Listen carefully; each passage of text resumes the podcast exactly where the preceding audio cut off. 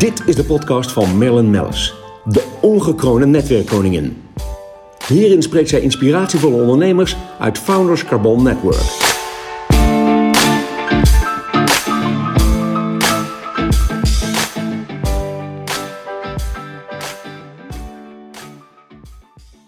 Vos, goedemorgen. Goedemorgen. Wat fantastisch dat je hier bent. Verenigde Staten-correspondent. We hebben kunnen genieten van je de afgelopen maand, wat maanden, in aanloop van het eh, Trump-Biden-gevecht, zullen we het zo langzamerhand maar noemen.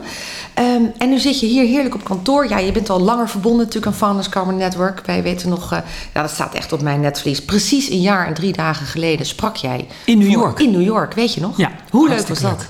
Ja. Toen was New York nog normaal. ja, en nu? Hoe is nu New York? New York is niet normaal. Nee. Alles is dichtgespijkerd. Ondernemers zijn natuurlijk dicht. Ja, Veel mensen zijn vertrokken. Rijk New York zit in de Hamptons of in Westchester of in upstate New York of in Connecticut. Hè, die zijn, zeggen, ondergedoken. Ja. Misschien wel honderdduizenden mensen, denken we. Serieus zoveel? Ja, en dus natuurlijk, de stad maakt zich zorgen van eh, krijgen we dan weer de belastinginkomsten terug? Komen die mensen ooit terug? Eh, wat doet dat met eh, private scholen? Bijvoorbeeld allemaal van die beetje soort van 1% problems. Maar het zijn wel echte Ja. problemen natuurlijk. Zo'n Ja, stad kan natuurlijk. niet zonder dat soort rijke mensen. Nee, nee, nee. God, Dus-. Want, ja, dat is eigenlijk, eigenlijk de, de eerste vraag die ik je wilde stellen. Heb natuurlijk goed over nagedacht, want er zijn duizend vragen die wij willen weten. En zeker de ondernemers die allemaal meeluisteren. Ehm, wat moet de Nederlandse eh, ondernemer weten over Biden? Biden is vriendelijker dan Trump. Dat wil niet zeggen dat hij alles anders gaat doen, inhoudelijk. Maar de PR, de buitenkant, wordt zeker vriendelijk. Richting Europa en zelfs een beetje richting China. Hij moet China wel aanpakken, want daar is in Amerika het iedereen wel het over eens. Hè. China moet worden aangepakt. Ja. China gaat te ver, China steelt intellectueel eigendom, China houdt zich niet aan de regels. Dat heeft Trump goed gezien. Dus dat gaat Biden ook doen, alleen meer in internationaal verband. In, in, in- Europa ook. Europa is natuurlijk door Trump neer- neergezet als een soort van veredeld vakantieland. Daar wordt niet gewerkt, daar wordt niet meebetaald aan de NAVO of wat dan ook. Dat vindt Biden inmiddels ook. Dat vindt links-Amerika ook. Hè. Europa moet zijn ding doen. en als ze het niet doen, op zich wel problematisch natuurlijk. ja, dat, nou ja, jullie moeten gewoon pay up. Ja. Pay up or shut up. Ja. Dat is natuurlijk een beetje, en dat is een beetje de meer de Amerikaanse rol. Ze hebben stiekem natuurlijk een beetje gelijk. En Amerika wil niet meer alles zelf betalen. Het is gewoon ook een beetje een keihard een spel van de knikkers geworden. Want Amerika is niet meer de vanzelfsprekende leider financieel die het ooit was. En dat weten Amerikanen. En dat heeft Trump wel aan iedereen laten merken. Dus dat betreft geef ik wel een klein pluimpje aan Trump. Nou, dat is toch heel wat. Nou, namens jou. Dat Ja, Joost Eerdmans zou moeten horen. Nee, heel goed. Hey, en, en, want er gaat natuurlijk wel heel veel veranderen. Misschien nog Amerika. Of zeg je nou, daar verandert niet zo heel veel. Wat gaat Nee, er er gaat wel heel veel veranderen. Want elections have consequences. Dus Ja. hè, het verschil tussen winnen en verliezen in Amerika is heel groot. Er zijn maar twee partijen. Nu is die andere partij, die heeft de leiding in het Witte Huis. Hij gaat wat belastingen verhogen, met name in de topinkomens. Hij gaat misschien die vennootschapsbelasting verhogen van 21% naar bijvoorbeeld naar 25%. Ja. Als hem dat lukt. Dat is allemaal maar de vraag. Hij gaat natuurlijk meer naar de wereld zeggen, we're back. Dat heeft hij nu al gezegd. Ja, back is, we're, Ja. we're back. Weet je wel, we, we, we nemen weer de leiding. We gaan een beetje de leiding aannemen richting die grote, duistere, oostelijke ja, vijand, tegenstrever China. Dat is Ja. nu wel duidelijk. Ja. En ik denk dat hij misschien voor het eerst in vier jaar iets gaat zeggen over het milieu. En dat zou goed zijn voor Amerikaanse bedrijven. Ja, een die, stukje awareness. Juist, een stukje awareness, maar ook een stuk van... jongens, we moeten mee in het produceren van solarpanels, windtunnels... weet ik veel allemaal, wind, windmolens. Daar moeten we allemaal in mee, want die Europeanen zijn daar hard aan bezig. En natuurlijk Ja. de Chinezen ook. Ja, Eh, ja en dan, dan, dan kijk ik naar Kamala Harris. Ehm, ik, ik zou bijna zeggen Camilla, want ik heb natuurlijk net de Netflix-serie helemaal gebinged van The Crown. Maar Kamala Harris, het, het lijkt me een, een hele sterke vrouw. Die staat aan de zijde van, van Joe Biden, die toch echt heel serieus heel oud is al. Ja, Zo Joe Biden, oogt die. ja, Joe Biden oogt niet alleen, maar is ook heel oud. Ja. Ook voor die baan. Hij is ouder dan toen Reagan, de oudste president tot nu toe, het Witte Huis verliet. Toen was hij 77. Hij is dus echt de Biden oudste. is al, nu al 78 en hij moet nog beginnen. Ja. En Kamala vertegenwoordigt een beetje het nieuwe Amerika. Als je tenminste links bent. Hè? Ja. Ze, ze vertegenwoordigt gevaarlijk Amerika als je Trump-land woont. Als je daar woont.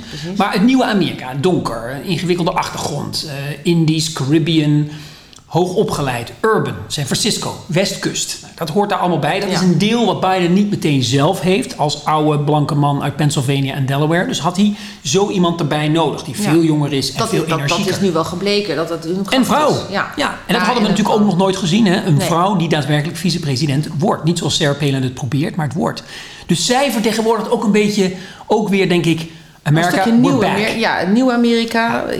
Ja. Maar wat, want ja, weet je, we hebben dan natuurlijk direct speculaties in Nederland van ja, die Joe Biden die valt er over een eh, jaartje bij neer en dan pakt zij de over. Kan zoiets eigenlijk überhaupt? Nou, het kan wel. Stel dat hij volgend jaar van de trap valt en niet meer opstaat, dan wordt zij automatisch president. Al in zijn eerste termijn. Ja, goed, wij komen niet verder dan House of Cards en jouw interviews. eh, Eh, nou, dat is dus genoeg. Wij Dat moeten is, zo simpel zit het gewoon. House of Cards heeft altijd gelijk. Nee, als hij van de trap valt en dan neemt zij over. Als hij nou zegt over vier jaar na zijn eerste termijn, weet je wel, ik kan nog een jaar, ik kan nog vier jaar, maar ik wil het niet. Dan is Kan hij de aangewezen persoon. Maar Ja. dan moet ze natuurlijk wel opnemen tegen wie dan ook. aan de kant van de Republikein. Republikeinen, precies. Juist, en dat zou een Trump kunnen zijn. Ja, maar dan ga ik dus weer in precies. Want laten we eerst even kijken nu, want over vier jaar is natuurlijk weer een ander verhaal. Maar ehm, Trump. Je leest natuurlijk heel veel over eh, dat hij eh, nog allerlei rechtszaken als zich aankrijgt. En dat natuurlijk krijgt, heeft iedere president die, eh, de, de, Ja. de- ja, die, die afstand gaat eh, nemen. ehm, eh, heeft die rechtszaken lopen. Alleen ik vraag me af, hij heeft er wel heel veel hele serieuze rechtszaken. Wat gaat daar gebeuren? Want hij kan zichzelf geen gratie verlenen. Hoe hij kan gaat, want als president Ja. ben je dus. Nou, eh, on- het is on- onduidelijk of hij zichzelf gratie kan verlenen. We denken dat dat misschien zelfs voor Trump wel te ver gaat. Al zou hij het best willen. Hij heeft immers iedereen gratie verleend. Ja. Maar wat hij. ehm, hij wil zich natuurlijk beschermen zoveel mogelijk tegen federale onderzoeken. Maar hij kan zich heel moeilijk beschermen tegen afzonderlijke staten. New York bijvoorbeeld, waar al Nee, meerdere onderzoeken federale, lopen. kan ik me nog voorstellen dat je daar de gratie dat hij dat nog voor elkaar Ja. krijgt. Maar die Maar afzonderlijke staat. staten niet. Dat is bijvoorbeeld een vrouw die zegt: hij heeft mij ooit eh, onheus betast, bijna verkracht in een eh, paskamertje ergens bij de, de plaatselijke CNA in de Ja. jaren, ik geloof 80. Ja. Die vrouw heeft doorgezet. Daar zit een zaak die loopt voor een rechtbank in New York. New York State. Dat heeft niks te maken met de federale overheid in Washington. Die zaak, ongeacht een pardon, Komt. onge- komt, die gaat gewoon komen. Of die daar nou in wordt veroordeeld, of daarin moet getuigen, dat is nog weer een vraag. Maar het is wel een zaak die loopt. En er is een zaak ook in New York die loopt tegen zijn belastingaangifte. Die willen ze zien. Dat is een eh, strafrechtelijke zaak. Daar ontkomt hij niet aan. Dat loopt gewoon in de staat New York. Ik vergeet niet eh, bij in Nederland te vergeten dat die staten hebben enorm veel macht natuurlijk en doen heel veel op zichzelf. De federale overheid is een beetje op de achtergrond aanwezig, zo nu en dan bij buitenlands beleid. Pakken ze. Soms wat belastingen en daar houdt het dan wel mee op. Ja, ja, ja. Mijn leven wordt geregeerd door de staat New York, niet zozeer door wat erin gebeurt in Washington. Nee, nee, precies. Goed, nou, dat is heel interessant.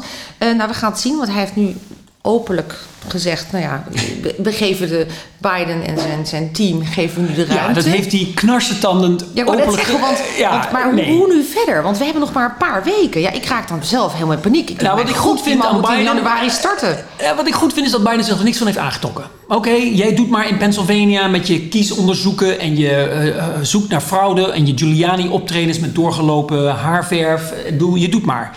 En Oh, Biden is gewoon ja. bezig met zijn transitie en die wil op hè, het middaguur op 20 januari gewoon daar zitten. Nou heeft Biden ook wat minder voorbereiding nodig. Dat was ook altijd het argument tegen hem, omdat hij al 180 jaar in die politiek zit. Ja, precies. Dus hij kan meteen aan het werk. Ja. Dat zal hij ook doen vanwege de pandemie. hè. Het is natuurlijk heel erg op dit moment in Amerika. Hij gaat niet uitgebreid feesten met soort van Ronald Reagan en Nancy Nee. Reagan-achtige bals. Nee. Dat zou heel erg uit de toon vallen in Amerika. Want er gaan gewoon bijna 2000 man per dag dood. Ja, het is Dus, onvoorstelbaar. en we zijn dus weer ouderwets een soort van derde wereldland. Met wel een beetje ambitie, maar we zijn wel een derde wereldland qua bijvoorbeeld gezondheidszorg. Dat zie je gewoon. Ja. En wat gaat hij daar dan weer aan doen? Hij gaat, en dat is natuurlijk controversieel in Amerika, een meer nationale aanpak door proberen te drukken. Dus we gaan bijvoorbeeld in een lockdown. We gaan allemaal maskers dragen. We gaan alle winkels dicht. Ja, dat stuit dan natuurlijk op de Amerikaanse vrijheidszin van don't touch my freedom. En dat wordt ingewikkeld. Ja, Dus wil je, ook voor hem, wil je ja. die vrijheid behouden of wil je eigenlijk die pandemie onder controle krijgen? Wat hier in Europa gebeurt is voor veel Amerikanen natuurlijk grenzend aan zeg maar bijna een socialistische takeover van Ja. de economie door Ja. regeringen, door centrale banken. Maar ik door... moet ook, precies, maar ik moet ook zeggen dat eh, ik kan me daar ook heel veel bij voorstellen. Want je, je berooft jezelf ook. Voelt Tuurlijk. ook dat je beroofd wordt van een stukje vrijheid. En dan hebben wij het in Nederland, laten we eerlijk zijn, nog ongelooflijk goed. Tuurlijk, jullie doen het Eh, hartstikke goed. met- Nee, maar ook qua... Ja, precies, we doen het goed. Maar, maar ook qua... Ik heb soms wel eens het idee dat, dat eh, Rutte en, en de Jong ook niet helemaal weten waar ze mee bezig zijn. Eh, maar logisch. eh, eh, maar we hebben nog wel steeds... Hè, de winkels zijn open. We kunnen dan nu even niet naar de restaurants. Maar echt... eh, en we krijgen mondkapjes nu, eindelijk, Ja. heb ik begrepen. Per 1 december. Maar Merlin, jullie hebben ook een leider. Even Rutte, als ik die Ja, leider ja. mag noemen, dat doen jullie niet zo. Maar die bijvoorbeeld in de persconferenties praat in getallen. Eh, dit is de afstand, die oma mag wel, dat mag niet. Eh, zoveel mensen in één kamer. Hij is heel specifiek, heel praktisch. En dat is heel... Hij beweegt met het virus mee, zoals hij altijd zelf zegt. Ja. Dat hebben we in Amerika nog nooit gehoord. In, Nee. in Amerika horen we het virus moet worden verslagen, dat gaan we wel even doen. Ja. En we bewegen zeker niet mee, we gaan zeker niet polderen met het virus. Nee, maar moet je nagaan, want wij vinden zelfs dat Rutte eh, en, en zijn eh, teams, dat zij niet eens duidelijk genoeg zijn. Vind ik ook hoor. Die zijn ik vind heel- ook, Oké, ze, ja, ze zijn op voor- zich redelijk duidelijk, maar, maar de details, nee. Voor Kijk, Amerikaans oogpunt, uit Amerikaans oogpunt is hij super duidelijk. Voor, een, voor de minister-president, voor degene die de baas is, onze baas Maar is en- totaal en niet ik duidelijk. zeg dan weer, eh, Rutte, kijk naar Macron, die is pas echt duidelijk. Die Ja, gaat die zitten strenger. en die is strenger, maar die, maar die geeft ook een lichtje aan het eind van de tunnel. Die zegt ook gewoon, dat is de datum. Als ik, mijn verstreven is 20 januari Ja. om die restaurants te openen. En hier zeggen we, we hebben geen idee. Nee, maar dat, dat is heel En dat Nederlands. maakt het heel erg Nee. eh, eh, ja, stressvol eigenlijk, als je Ja. eerlijk bent, voor, voor alle horecaondernemers, maar ook, ook nou ja, alle aanverwanten. Nee, dat klopt. Maar dat is natuurlijk heel Frans ook. En dat hoort een beetje bij grote landen. Daar hoort de leider, de president, Ja. of het nou Amerika of Frankrijk is, die hoort een soort van horizon te zetten. En een soort Ja. van inspiratievol tomorrow will be better. hè. Maar het grappige is dat ik dus merk dat die Nederlandse ondernemers willen die horizon. Willen dat? Ja, die natuurlijk. Die willen duidelijkheid. Net zoals dat de beurzen, die willen gewoon voorspelbaarheid. Die willen weten van, oh, eh Yellen wordt eh, hoofd van de, van de Federal Reserve. Dat is goed, want dat betekent iemand die interventionistisch gaat invoeren als Ja. het gaat inhakken op die markt als het slecht gaat. Dus daar is de beurs heel blij om en dan schiet het gewoon door de 30.000. Ja, precies. Ja, dat Ja. gaat in één keer. God, interessant. Ja, Michiel, we zijn al lang door de tijd heen. Eh, wat wel heel erg leuk is, wat we al nu al kunnen vertellen, dat wij in Q1, zoals dat dan heet, in, meteen in het nieuwe jaar, en dat is al pas over een paar weken, gaan wij heerlijk jou weer, gaan weer van jou genieten. Jij, jij spreekt ook veel. Hè? Wat, kan je daar nog iets over vertellen? Want eh, wij, wij huren jou letterlijk in als een fantastische spreker, maar wij bouwen daaromheen ook met jou samen eh, een, een mooi programma, ook nog met andere sprekers. Eh, wij gaan natuurlijk zelf ook richting de verkiezingen in Nederland. Ja. Ik vind het enorm goed dat jij vanaf buitenaf eigenlijk kijkt, weliswaar Nederlander, maar woonachtig in Amerika. Wat gebeurt nou hier in Nederland? En, en eh, nou ja, wat als gezegd, we bouwen daar nog wat leuks omheen. Ehm, maar waar, waar spreek je allemaal over? Want je hebt eigenlijk zoveel topics. Ik denk dat het ook heel leuk is voor mensen om te eh, horen. Nou ja, jouw achterban, hè, zeg maar jouw netwerk bijvoorbeeld, ondernemers, bankiers, mensen die over macro-economie denken of die een beetje langer termijn denken, mensen Ja. die investeren in Amerika, mensen die daar zakelijke belangen bij hebben, die willen altijd weten van, zeg maar, wat gaat er gebeuren in Q1 of Q2 of Q3 Precies. in Amerika? Hoe gaat het eruit zien? Wat gaat er veranderen onder Biden? Wat jij terecht in het begin vroeg. Dat zijn dingen die ik weet niet alles, ik weet niet alles achter de komma, maar ik kan een paar voorzetten geven. En dan meestal word ik geboekt naast een bankier van de ING, van de Rabo, van Mees Pierson. Van Landschot, ja. En ik vertaal dan dat verhaal wat financieel-economisch is, een beetje naar politiek-cultureel. En een Ja. beetje wat er speelt in Amerika. En hij of zij doet andersom wat ik zeg politiek-cultureel, vertalen zij met mijn hulp naar het financieel-economische. Dat is mijn, dat is mijn ding. Je wordt gevraagd om eigenlijk een beetje de, de, de recente geschiedenis te bespreken en kort naar voren te kijken naar Ja, wat er gaat komen. In feite eh, kun je In dat gekke land. helpen bij Ja. hoe, hoe de aanpak gaat zijn. Want ik merkte ook, ook hoor, we hebben twee keer nu een handelsmissie georganiseerd. In New York-Boston de ene keer. Ja. Eh, waarbij we in Harvard nog eh, bij Harvard terecht kwamen. Heel erg leuk met, met wat professoren over familiebedrijven. We hadden toevallig heel veel familiebedrijven mee. En eh, Washington, New York, dat was eh, vorig jaar natuurlijk. Toen eh, sprak jij. En dan merk je dat toch heel veel eh, eh, investeerders ook heel geïnteresseerd zijn in Amerika. Nu, nu zie je dus eh, iedereen ook spreken, alleen op privé. Wanneer, wanneer zou je denk ik weer op vakantie kunnen naar Amerika? Ja, nou ja, iedereen gilt, ja, dingen. 22. Eh, ja, hoe, hoe zou het eigenlijk zijn om daar nog verder te gaan investeren? Ik heb natuurlijk ook heel veel mensen aan boord die veel vastgoed eh, hebben Ja, te- geïnvesteerd nou ja, in Amerika. terecht. Of hoeveel ruimte krijgen de Silicon Valley techbedrijven in een regering Kijk, Biden? In ja. tegenstelling tot Trump. Nou, dat zijn terechte vragen. En daar kun je wel iets over zeggen. Kun je niet helemaal uittekenen, want het is onvoorspelbaar. Maar je kunt er wel iets over Ja, zeggen. de als je, kunnen we. Ja, Ja. ja. nou heel interessant. Nou, we gaan van je genieten. In, ik denk januari, gok ik, Ja. maar eh, daar komen we nog op terug. Hartstikke Ehm, goed. Voor nu ongelooflijk veel dank voor je komst. Nee, geen dank. En, Veel ehm, dank aan jou. We hangen weer aan je lippen zodra je weer ergens eh, verschijnt in de media of op eh, televisie. Eh, dikke zoen. Hartstikke Dag. leuk. Hoi. Blijf ons volgen via Spotify en Soundcloud onder Merlin Mellis.